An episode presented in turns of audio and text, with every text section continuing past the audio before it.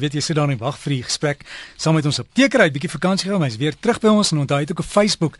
Uh, jy kan maar net soek daar uh, vir apteker. Vandag 'n bietjie oor 'n gesonde lewenstyl. Mario, welkom terug. Mario, dankie Dirk. Dis Mario Botha. En voorspoed vir jou ja. En ja, voorspoed vir jou. Baie dankie.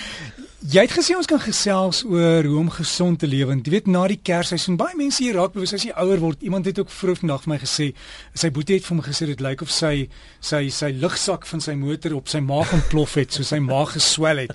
Hy het net vet geword. Ja. Nou, waar begin 'n mens en baie mense word oorweldig want jy weet nie sny jy dit uit en almal sê dit en dit kan jy dit doen en Waar begin mense het klein beginne nodig en nie groot hierdie nuwejaarsvoornemens wat ons baie keer vir onsself skep. 75% van ouens breek dit binne die eerste week en die res wat oorbly hier is omtrent 40% breek dit al in die tweede week. So dit is nogal 'n moeilike ding en ek dink ons probeer vir ons voornemens gee en stel wat onbereikbaar is. Ons begin nie klein nie en hierdie is baba stappies wat ons moet neem. So ek het so 10 wenke gebring om 'n gesonde jaar te hê en om gesond te begin. Nommer 1 in hierdie jaar, kom ons verminder stres en spanning. Dit is die groot ding en interessant veroorsaak obesiteit nie net obesiteit nie, maar ook diabetes en hipertensie. So ons moet stres verminder. Dit lei ook dat ons sleg slaap. So ons het hierdie slaaploosheid. Al hierdie dinge lei dat ons 'n ongesonde liggaam het en aanvatbaar is vir enige tipe siekte. 'n Gewone griep of 'n koue kryf ons in die bed vir 3 dae lank. So ons moet stres verminder. As jy dit nie kan hanteer nie, gaan praat met iemand, gaan sien iemand, kry hulp. Die tweede ding is baie interessant. Doen vrywillige werk. Dis nogal interessant. Wanneer ons iemand anders se las dra, help ons onsself deurdat ons goed voel. En hulle het bewys, 'n Columbia Universiteit, dat as ons goed voel oor onsself, verminder ons ons kans tot hartvaskiektes met amper 20%, as ook die kans van hartaanvalle. So, begin by iets kleins, doen iets vir iemand anders, jy voel goed en jy het 'n gesonde lewe.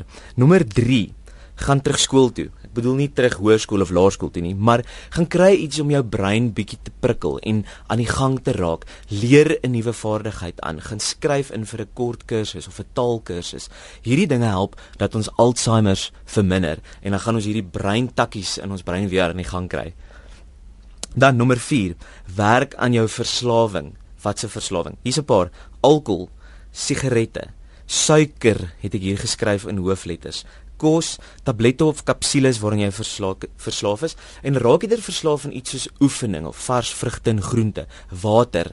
Baie mense raak verslaaf aan oefening en dis eintlik 'n goeie ding, maar pas op vir ooroefening. Maar dit is dis goeie verslawings. Hierdie slegte verslawings, suiker is 'n groot sondebok in ons lewe.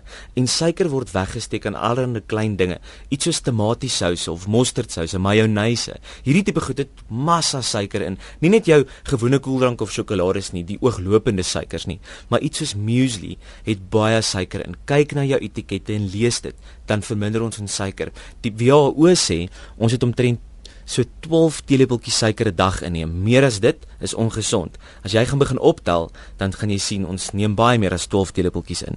Nommer 5, slaap meer. Ek het dit nou-nou gesê met nommer 1 ook, dit verminder jou stres, maar as jy meer slaap, gaan jy 'n baie beter gesonde lewe hê. Minder slaap lei weer tot obesiteit en tipe 2 diabetes.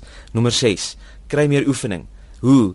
Klein dingetjies soos parkeer jou motor verder weg van die inkopiesentrum se deur en ek weet Ek lag vir jou Mario. Mense sal 10 km in 'n parkeerarea ry om voor die deur te stap. Ek ons almal doen dit. Ons ons haat dit om te loop en ons kar staan ver in die son, maar dis goeie kardiovaskulêre oefening. Loop met 'n doel na 'n plek toe. Moenie net drentel na 'n plek toe nie en gebruik die trappe eerder as die huispak.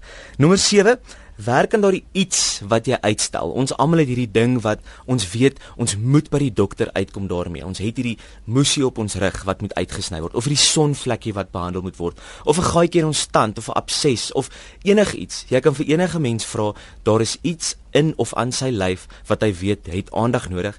Hierdie is jou jaar om aan daai ding te begin werk. Dan verander jou dieet. Nou dit is maklik om te sê verander jou dieet, maar hoe doen ons dit?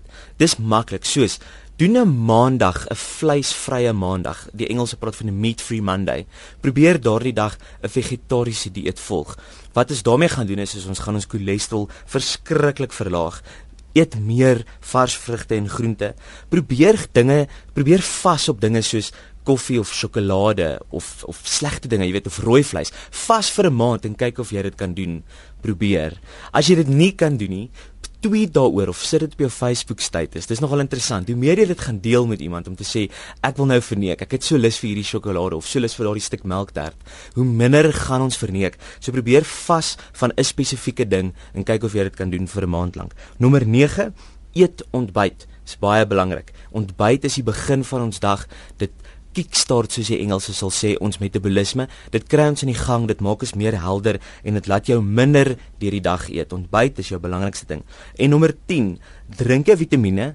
Sorg dat jy vitamiene A, B, C, D, E en K inkry. As jy 'n botteltjie vat en dis jou multivitamiene houertjie, kyk of jy al daardie vitamiene in het en dan gebruik jou voorgeskrewe voorgeskrewe of kroniese medikasie soos wat dit voorgeskryf is. Moenie jou eie dokter probeer speel en dink ek kan dit halveer of elke tweede dag drink as jou dokter dit voorgeskryf het soos 'n bloeddrukmedikasie om elke dag te gebruik, is dit nodig om dit elke dag te gebruik. So, Dirk, dit is my 10 punte vir 'n gesonde lewe hierdie jaar en as jy dit wil kry, is dit op my Facebook bladsy alreeds gelaai. So gaan like net apteker en jy's deel daarvan. So maar nou dis 'n maklike ding wat 'n mens kan doen. Dis die klein stappies en dis die ja. maklike dinge. en as jy nie weet nie, vra jy apteker onthou alles maar ons gesels, vra ook jou dokter. Voor jy nou gaan en jy word maar probeer maar word oefen. Jou dokter ken jou, hy kan sê nee, maar daar's 'n probleem. Wag 'n bietjie, doen eers dit. Absoluut. En as ons dinge wil gebruik, ek almal van ons klim nou op 'n dieetprogram of 'n maar maak druppel of 'n tablet. Gaan praat met iemand en hoor kan my liggaam dit gebruik? Daar's dalk 'n alternatief of iets met minder kafeïen wat jy kan gebruik en vir jou 'n beter opsie gee tot hierdie gewigsverlies. En onthou 'n langer gewigsverlies is beter as 'n korter gewigsverlies. So gaan soek vir Mario op uh, Facebook, soek net vir apteker en is Mario Botha ons apteker. Mario e-pos is mario.m.botha@gmail.com. Net so. Net so. Hy, ja. En iemand het gesê met jou vra asseblief volgende week net te noem, hulle kry barsies in hulle mondhoeke. Ons kan met liefde daaroor praat doodreg. Dit is aan ons apteker saam met ons hier op breakfast met Derek.